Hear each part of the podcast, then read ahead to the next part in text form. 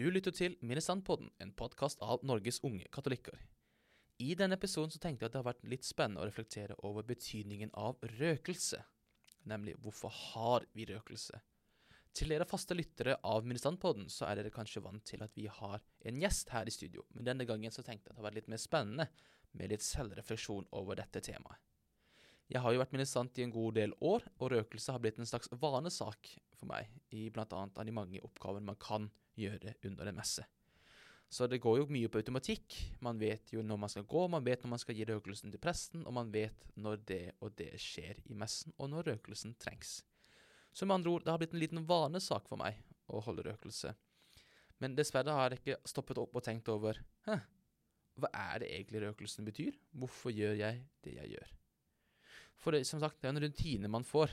Man lærer, man vet når man skal gjøre ting, man vet når det skjer, og man vet når og når røkelsen trengs. Men hvis jeg skal starte på selve røyken Røyken er jo det visuelle vi ser i messen. Røkelse blir ofte brukt i høymessene på søndagene, men også til andre seremonier som vi har i kirken. Røkelseskornet, som da er det som er det mest verdifulle Hvis du ikke har røkelseskorene, så får du ikke noe røyk. Og du må selvfølgelig ha kull for å tenne på røkelse. Så da tenner du på gjerne minst enten på kull før messen, legger opp i røkelseskaret, og så når det kommer til det, skal pressen legge opp i røkelseskornet, som da skal lande røyken. Og når pressen tar imot røkelseskaret, så insinserer han gjerne, og da kommer røyken rundt. Og når røyken stiger opp i kirken, så er det gjerne ganske tøft. Men du lurer kanskje på hvorfor gjør vi det i det hele tatt? Og det hadde jeg også lurt på.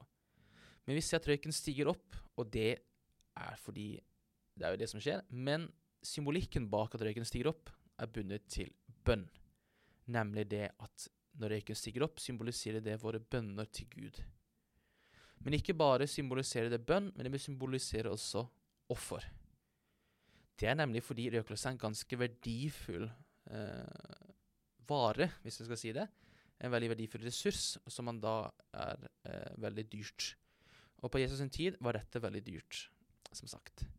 Eh, så man så på det da som et offer når man kjøpte røkelse, tente det på, slik at røyken da kom for å, til Guds ære.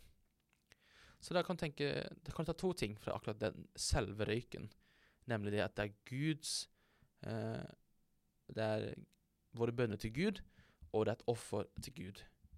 Det er også kanskje derfor du har hørt om gavene som Jesus fikk da han ble født, nemlig gull, røkelse og myrra. Myrra blir nok en egen episode etter hvert. Men det er jo ikke bare oss katolikker som bruker røkelse. Røkelse finner du også i ganske mange andre trossamfunn. Det er litt vanskelig å fastslå når røkelsen ble funnet opp, men tanken er at det var på Jesus sin tid. Men røkelsen lager jo ikke bare røyk, lager ganske også mye god lukt. Jeg husker godt da jeg ministrerte i Norgesmesterskapet i ministrering i 2017 og skulle holde røkelsen. For de som ikke kjenner til NM, så er det vanligvis i Oslo, og det kombineres også med den årlige Mariaprosesjonen fra St. Halvard kirke til St. Olav domkirke. Og da er det en ganske lang posisjon fra Tøyen og gjennom sentrum og bort til St. Olav i sentrum. Så man går gjerne forbi Karl Johan, og da husker jeg godt at eh, jeg skulle ta røkelse sammen med en annen, nemlig Martin Nguyen, som i dag er NUKs leder. Og da sa han til meg vi skal lage så mye røyk at de som røyker, kan ikke se sin egen røyk. Og det gjorde vi. Det var faktisk ganske kult, og det er et minne som jeg eh, har tatt godt vare på i ettertid. Det er eh, faktisk vi to som er på bildet eh, til Minnestandpodden hvis noen av dere lurte på det. Og det er faktisk også da bildet ble tatt, da denne episoden skjedde. Og det som er så fint når eh, presten legger opp røkelsen, er hvis det kommer mye røyk, så ser man gjerne at røyken legger seg i kirkerommet. Ikke bare at røyken forsvinner, men at røyken legger seg.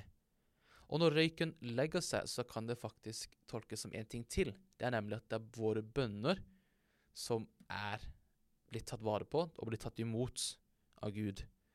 At det er Guds tilstedeværelse at når røyken legger seg.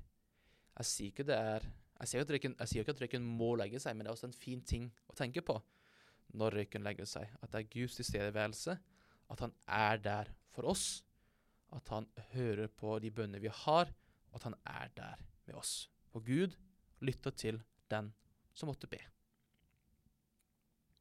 Vår hjelp er i Herrens navn, Han som skapte himmel og jord.